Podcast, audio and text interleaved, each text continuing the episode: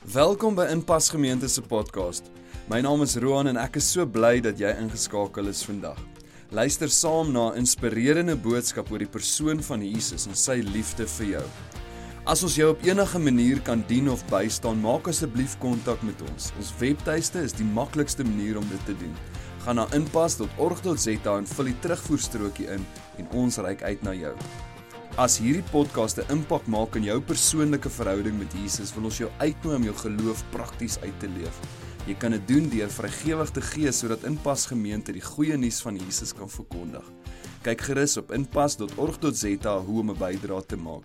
En nou, sit gerus terug en geniet die boodskap.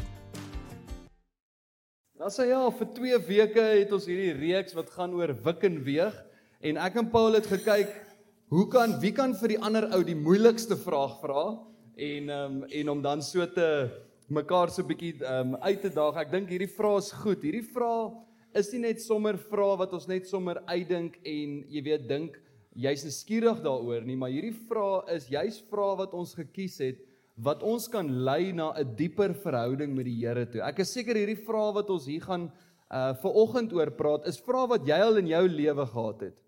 Maar die punt vir oggend met hierdie boodskap is nie net noodwendig dat ons antwoorde kry nie, maar dat ons sal groei in ons verhouding met die Here. So Paul vir oggend die eerste, die moeilikste vraag as dit kom by Christendom is daai kere wanneer ons daar's twee gelowiges wat bid. Ons bid vir al twee wat siek is en dan is dit baie keer die Here maak een gesond en die ander persoon word nie gesond nie. En ek dink dis 'n vraag wat in ons almal se harte is. Hoekom sal ons baie keer bid en die Here antwoord ons gebede, maar met 'n ander persoon baie keer gebeur dit dat daar nie genesing is nie of gebede wat nie beantwoord word nie. Dankie Roan. Ek dink van my kant af ook net baie welkom aan almal. Daar was 'n paar nuwe mense wat ek gegroet het hier by die voordeur Koos en is dit Elsha. Ansha, sorry Ansha. vir julle ontmoet en dan nog so 'n paar ander, so baie welkom uh, ook vir die persone wat inskakel aanlyn. Uh Roan baie dankie. Uh dis een van die moeilikste vrae. En ehm um, so kom ons begin daarmee. Ek dink net in erkenning teenoor hierdie vraag. Dit gebeur werklik. Uh daar's twee gelowiges wat kanker kry. Ons bid vir al twee en een word genees en die ander een word sieker en daai persoon sterf. Ehm um, so dis heeltemal moontlik dat so iets kan gebeur. En ek dink die probleem Roan lê by die teologie. Um, ek dink dit is belangrik dat ons na die teologie sal kyk van van hierdie siening van um, goddelike genesing is vir alle mense ten alle tye.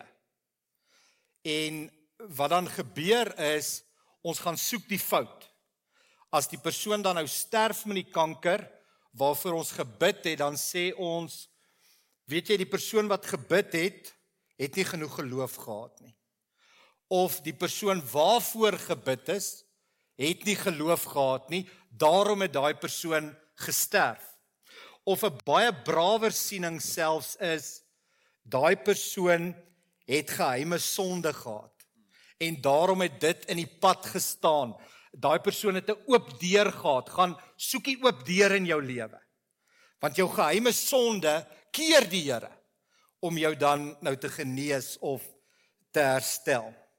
Nou, ek wil nie na een van hierdie redes toe gaan nie. Ek wil eerder vra, jy weet, wat dink God van die dood en wat is die dood? Is die dood die absolute berower van alle lewe? Nou, dis glad nie God se siening nie.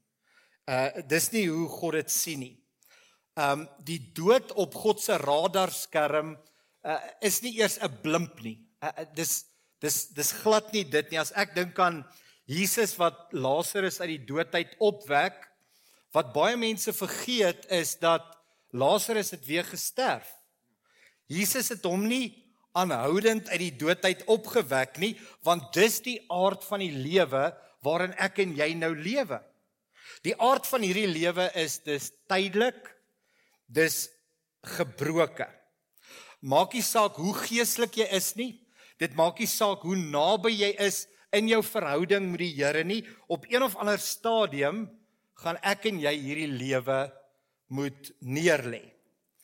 Ehm um, nou dit hoef ook nie vir jou sin te maak nie want wat ons baie sê ek kan onthou toe Natasha nou so siek was en ek en ons hele gemeente en mense reg oor die wêreld het vir haar gebid.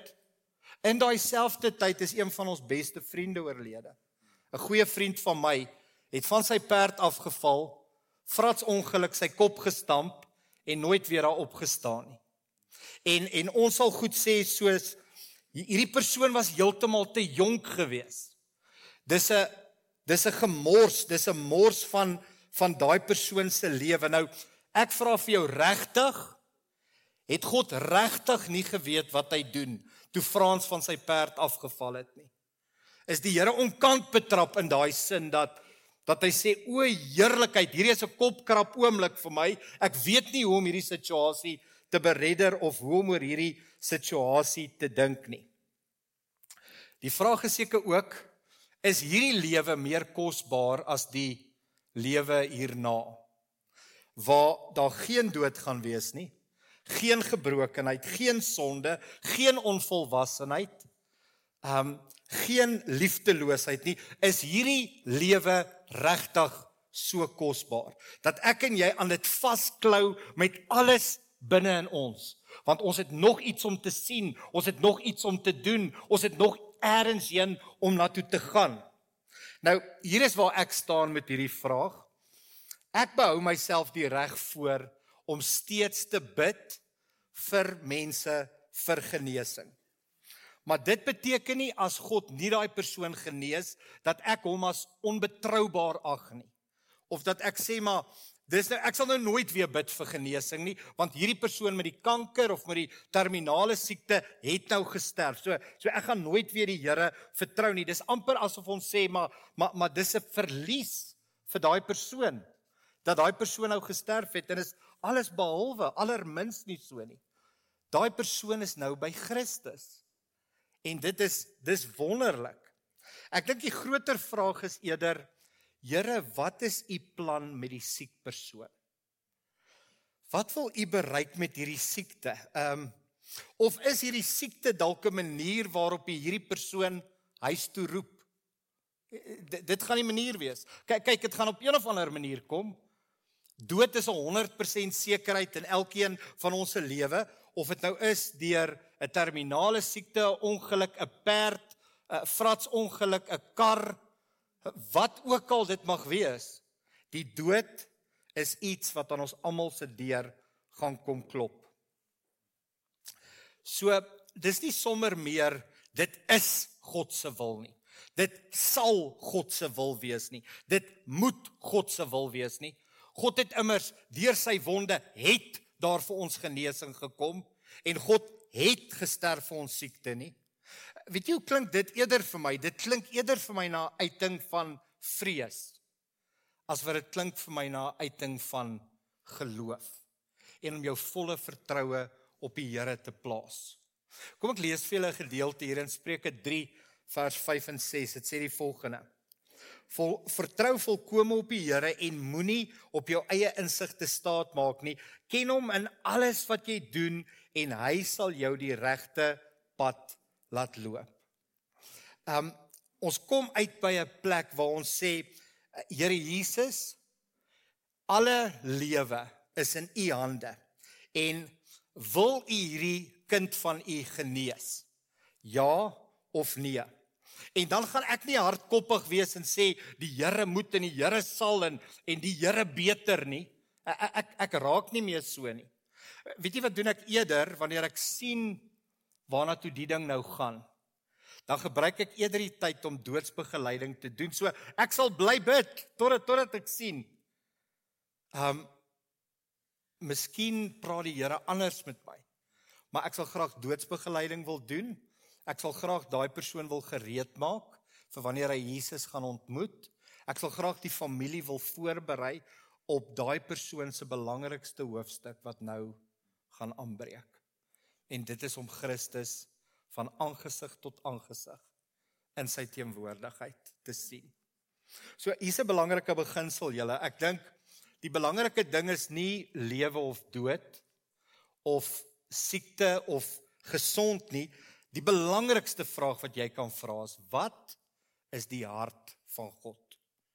Wat wil hy met my lewe bereik?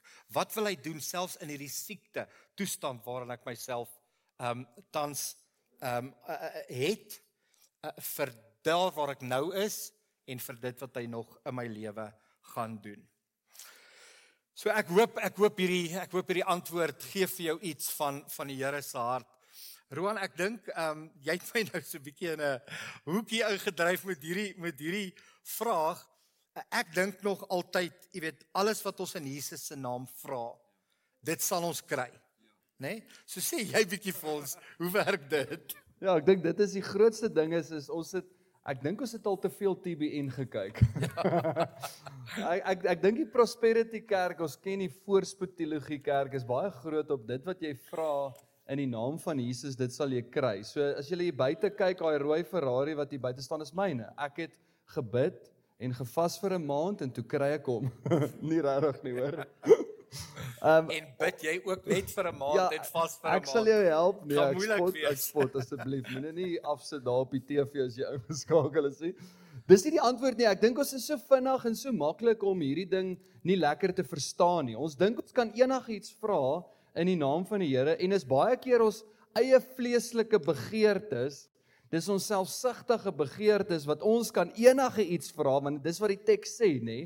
Maar dis nie al wat die teksgedeelte sê nie. Kyk ons hou van net daai een broodkrummeltjie vir die dag. Ons haal hom uit dan sê ons alles wat ek vra in die naam o, ja, enige iets kan ek dan kan ek dan alles vra en ek en jy was waarskynlik al baie verward oor hierdie teksgedeelte. Ons het al baie vreemde preke gehoor oor hierdie onderwerp. Maar hier is ons die ding vir oggend. Dis daai teksgedeelte waar Jesus hulle stap. Kom ons kyk mooi na die konteks net, nie net na een versie nie, maar Jesus stap en hy, jy onthou die gedeelte van die van die vrye boom wat nie vrug gedra het nie. En dan bestraf hy hierdie vrye boom en die vrye boom gaan dood. Dis dieselfde gedeelte waar Jesus sê as jy vir hierdie berg sê, werp jou in die see en dan sal hy in die see ingaan en dan sê hy hierdie teksgedeelte wat bekend is in vers 22 sê hy en alles wat jy in gebed vra, sal jy ontvang as jy glo.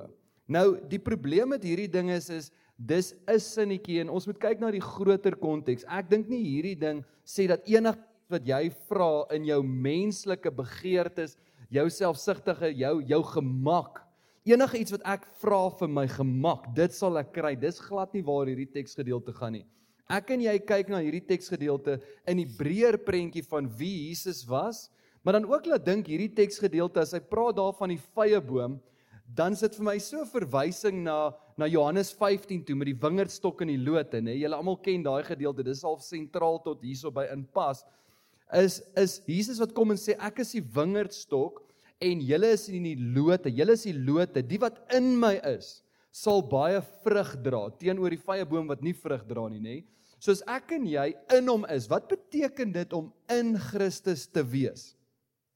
Dit beteken ek buig my knie Dit beteken my vorige lewe, my vorige mens toe die vlees geregeer het in my lewe, kom ons noem dit nou maar so baie teologies, maar toe alles wat in my lewe het net gegaan oor my behoeftes, my vleeslike begeertes. Dit was my vorige mens, dis die ou mens.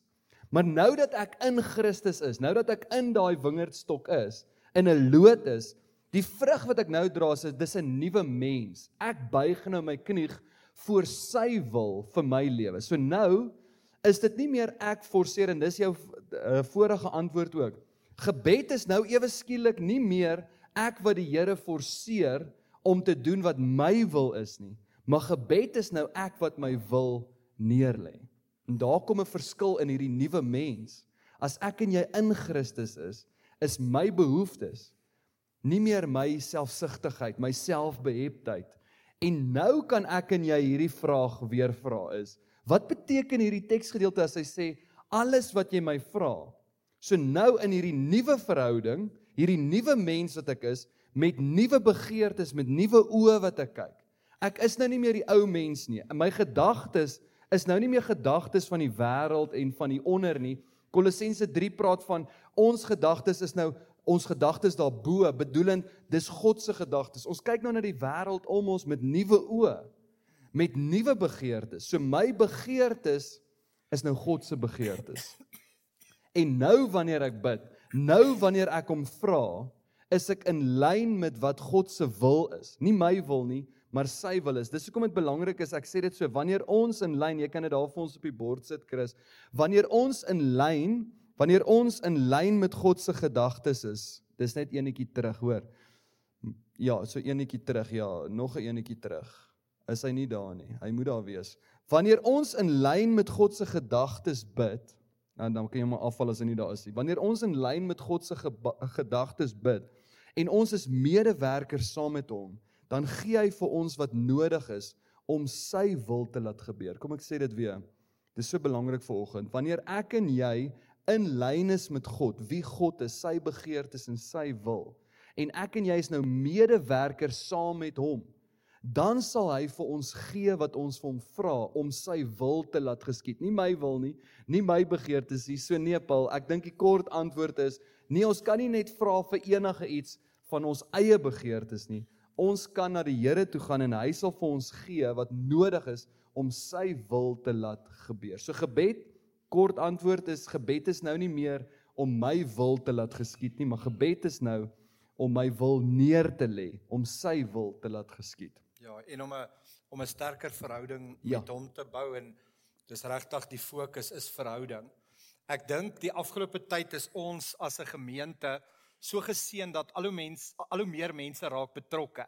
Meer mense raak betrokke in klein groepe en in bedieninge hier in die gemeente en ek is so opgewonde daaroor en ek wil so 'n bietjie ratte verwissel net rondom die vraag.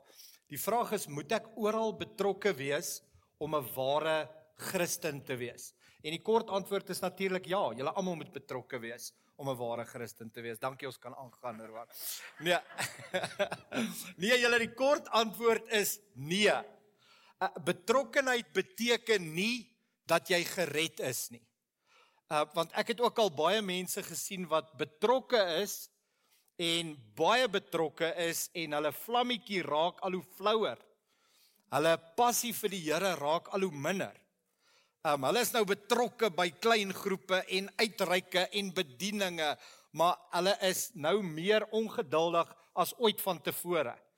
En um, hulle het eintlik glad nie 'n verhouding met die Here nie. So moet asseblief nie die fout maak dat daar 'n korrelasie is tussen betrokkenheid en alles is pleis in my verhouding met die Here nie, want dit werk nie altyd so nie.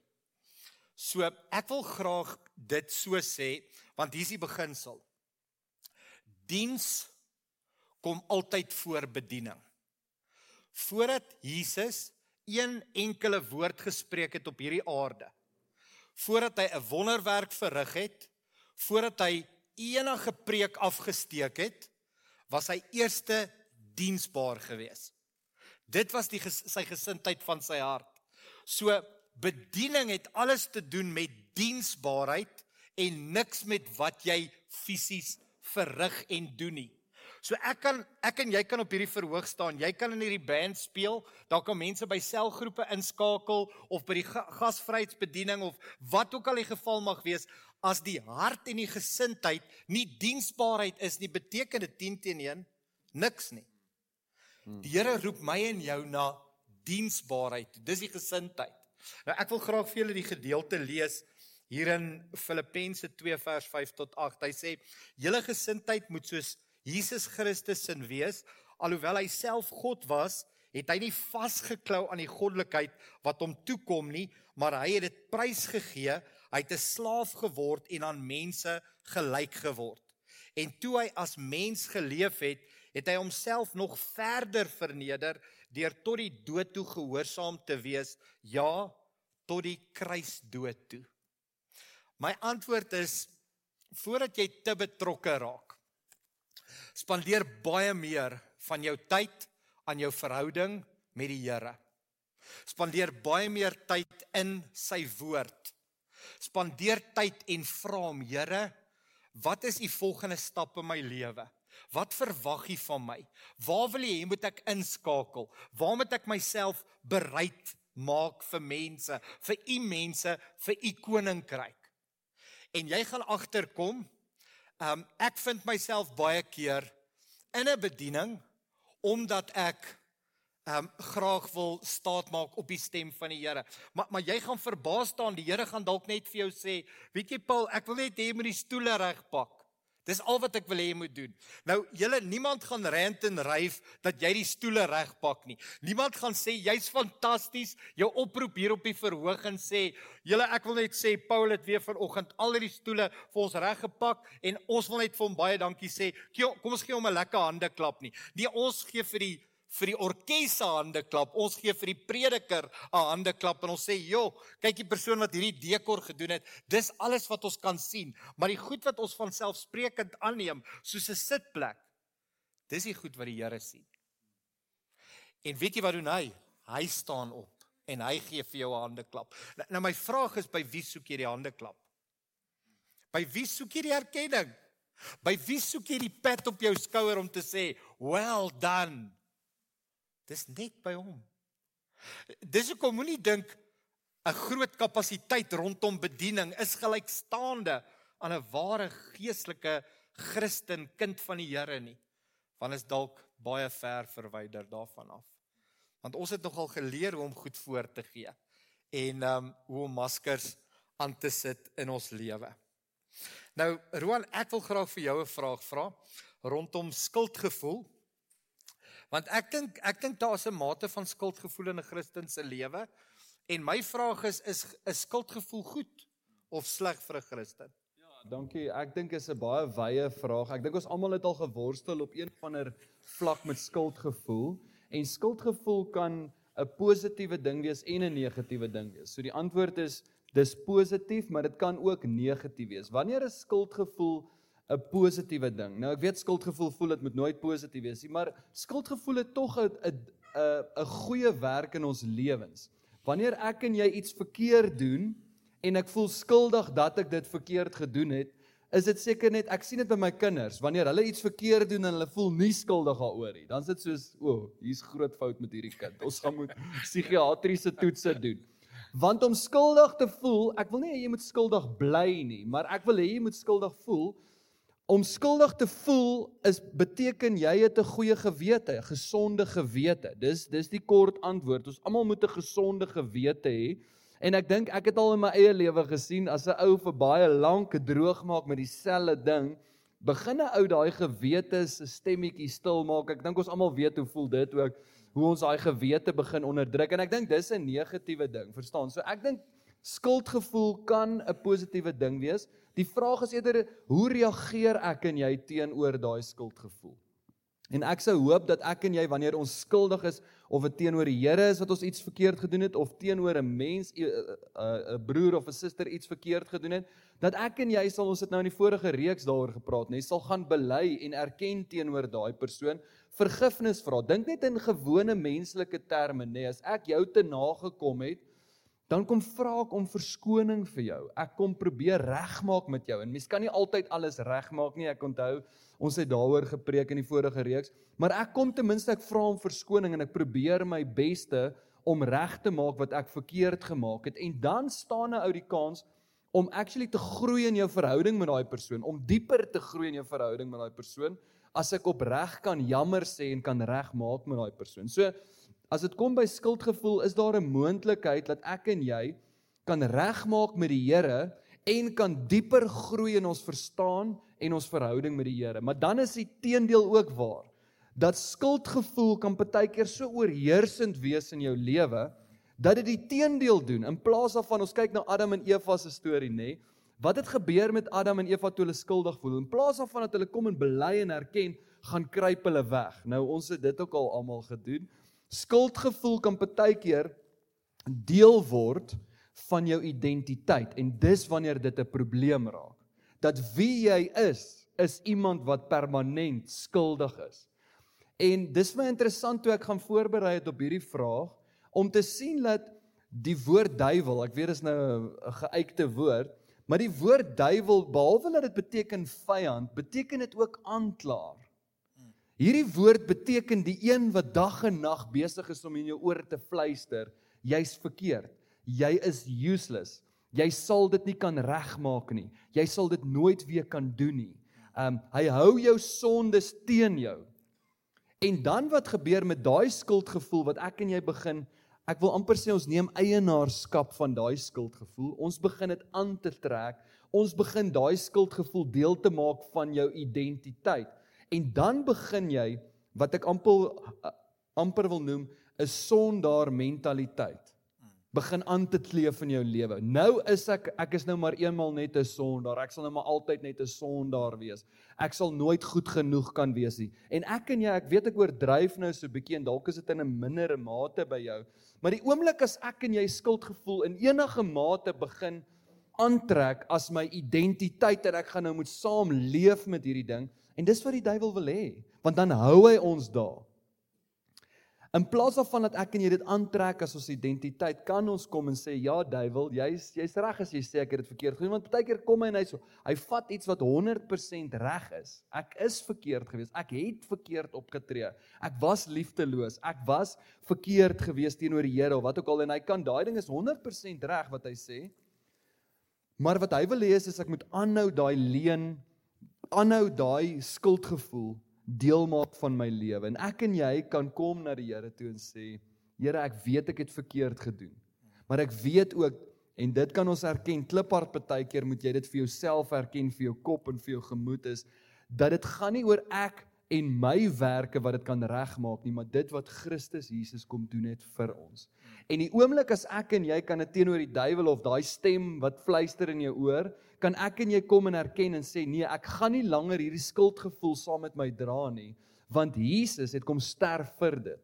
En ons geen sonde of niks wat ek ooit in die verlede kon gedoen het wat swaarder weeg as die werk wat Christus kom doen het in ons lewens.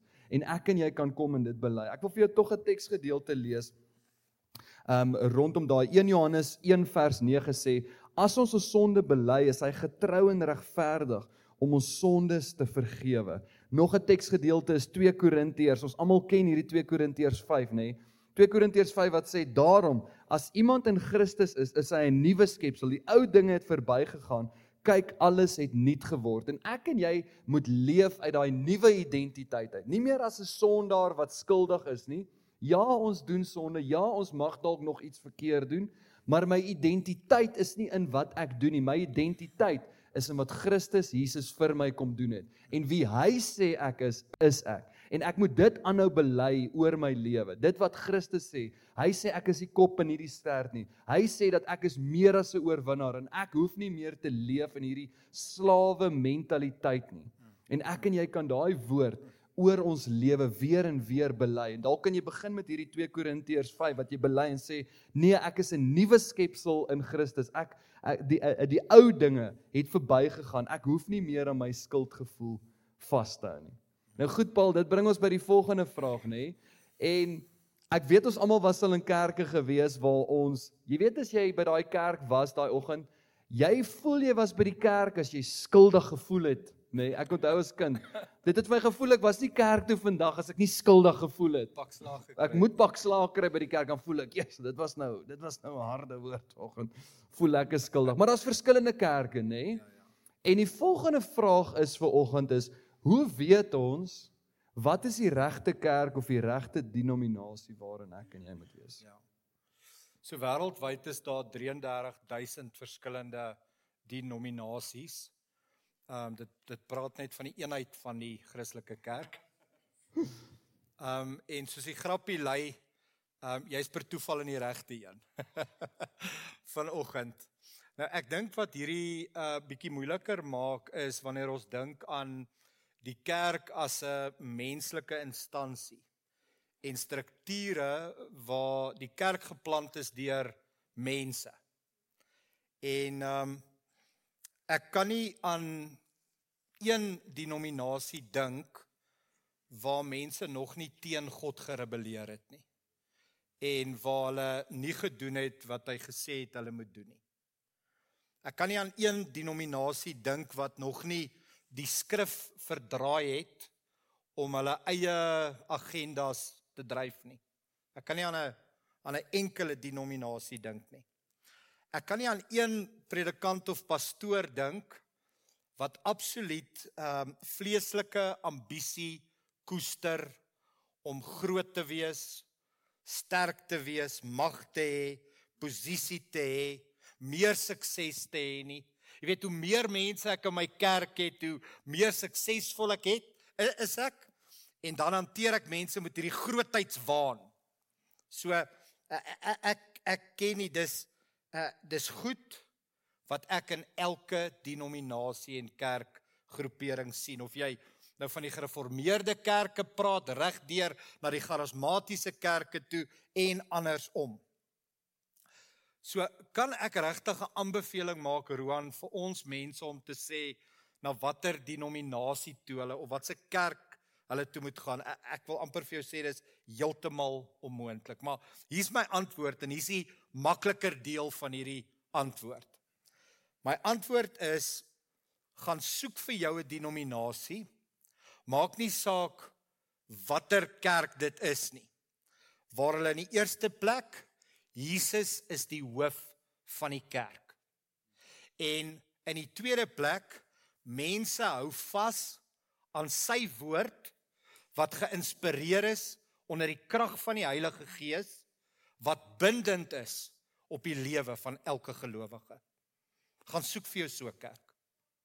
Nou weer eens jy gaan in daai kerk instap en jy gaan baie foute kry. O, Jesus, dis koud in daai kerk. Hulle stoele is nie lekker nie.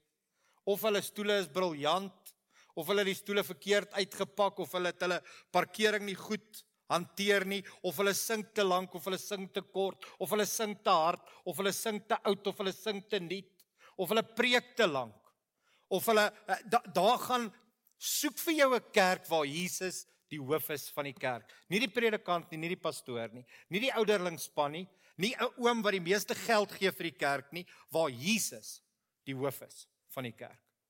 En waar die Bybel sentraal staan. Want so kerk het bestaansreg. So kerk gaan aangaan. So soek vir jou 'n kerk wat fokus op Jesus en nie op goed nie. Want die kerk van vandag wil baie goeders hê. Hulle wil nuwe geboue hê, Hulle wil meer mense hê. Hulle wil gemakliker stoele hê. Hulle wil beter programme hê. Maar al wat ons eintlik alles moet vloei uit hierdie dringende begeerte om Jesus die hoof te maak van die kerk en om te doen wat hy gesê het ons moet doen en om in sy voetspore te volg net weer eens maar maar disippelskap Roan. Dankie Paul.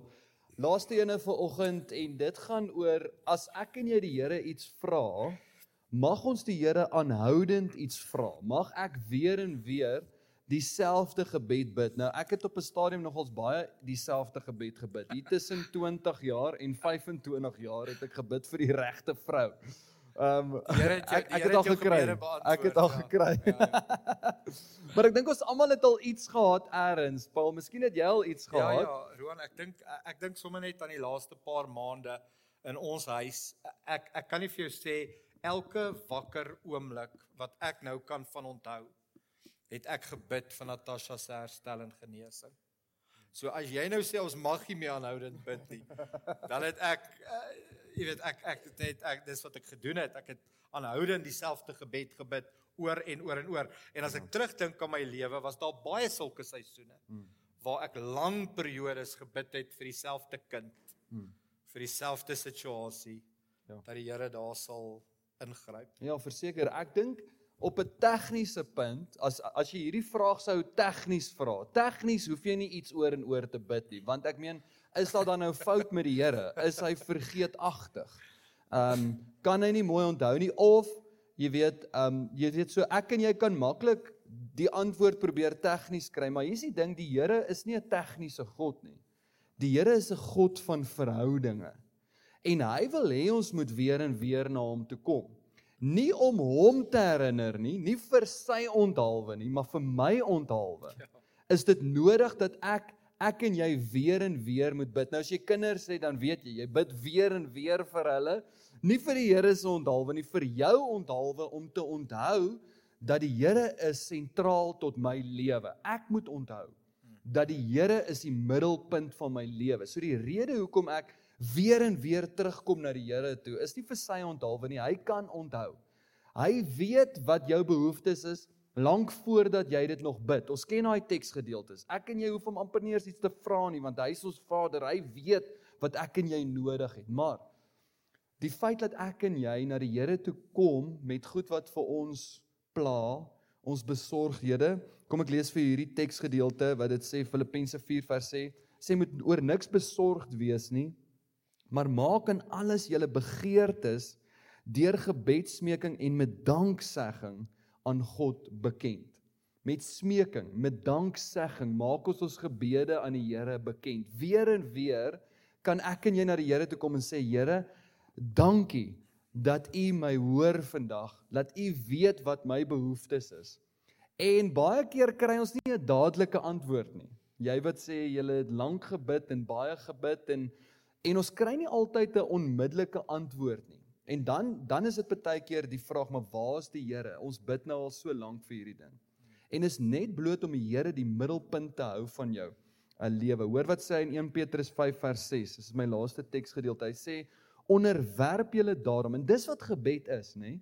Gebed is nie ek en jy weer eens wat ek mee begin het vroeër is. Is gebed is nie ek en jy wat ons wil kom verhef bo die Here en sê Here, U moet hierdie laat gebeur nie. Gebed is ek en jy wat ons wil onderwerp aan die groter wil van die Here. Hy sê onderwerp julle daarom in nederigheid aan die kragtige hand van God sodat hy julle kan verhoog. En hoor hierdie woord. En dis 'n woord vir jou volgende. Op die tyd wat hy bestem het. Nie my en jou tyd nie. Op die tyd wat hy bestem het. En miskien is hierdie belangrik vir iemand ver oggend wat hier is wat weer en weer bid om te onthou dat ons tyd is nie die Here se tyd nie. Wat vir ons belangrik is, is om die Here die middelpunt te hou van ons lewe, om seker te maak dat my wil is geonderwerp aan 'n groter plan wat die Here het met ons lewens. En dis my gebed vir ons. So om dit in kort op te som, gebed is nie 'n resep nie. Dis 'n verhouding wat ek en jy het met die Here. Gebed is nie om ons wil te verhef nie. Gebed is juis om my wil neer te lê sodat die groter wil van die Here kan gebeur in ons lewens. Ja. So. Dankie Roan. Ek dink terwyl hy so praat, um, vir my is dit baie keer om die Here deel te maak van ons omstandighede. En as ek net nou dink, ons gaan nou luister na 'n lied wat Roan vir ons gaan sing waar ons vir die Here vra, Here, moet ons nie verlaat nie, moet ons nie alleen los nie. Ons het U so nodig. Ek dink die situasie waarin ons land homself tans bevind. Um julle dit kan een insident, dit dit's net een insident en ons sit met 'n met 'n burgeroorlog. Daar's soveel opgehoopte emosies en mense is so keelvol. Mense is so klaar met wat in ons land aangaan en kom ek sê vir julle Dis nie as gevolg van 99.99% van ons bevolking nie. Dis as gevolg van 'n 'n puntpersentasie van mense wat 'n agenda dryf. Ek wil onmiddellik sê dis nie mense nie. Ek wil sê ons geveg is nie teen vlees en bloed nie, maar teen die owerhede en die magte van die lig. Daarom ons het nodig om die Here vas te gryp. Ons het hom nodig ons het nodig om hom deel te maak van hierdie land se storie. Uh julle hierdie land het hoeveel 25 hoeveel jaar ook al terug het ons 'n storie van voor ehm uh, uh, um, versoening gesien soos min. Die hele wêreld het gepraat oor die versoening wat in Suid-Afrika plaasgevind het. Ons het almal gedink 'n sekere bevolkingsgroep gaan in die see ingejaag word. Hulle gaan met ons klaas speel. En hier sit ons nog steeds tientalle jare later, ons bid nog steeds, ons vra nog steeds, ons vertrou nog steeds en ons gaan nie nou ophou nie, ons moenie nou ophou nie. Ons land is op 'n mespunt. En ons het nodig om te vra dat die Here vir ons leiers sal gee wat hom eer en wat hom dien. Maar terwyl hulle nog nie daar is nie, moet ons bid vir die leierskap dat die Here hulle gedagtes gevangenes sal neem tot gehoorsaamheid van sy woord en dat enige iets wat indrein teen die kennis van die woord van die Here dat daai skanse neergewerp sal word.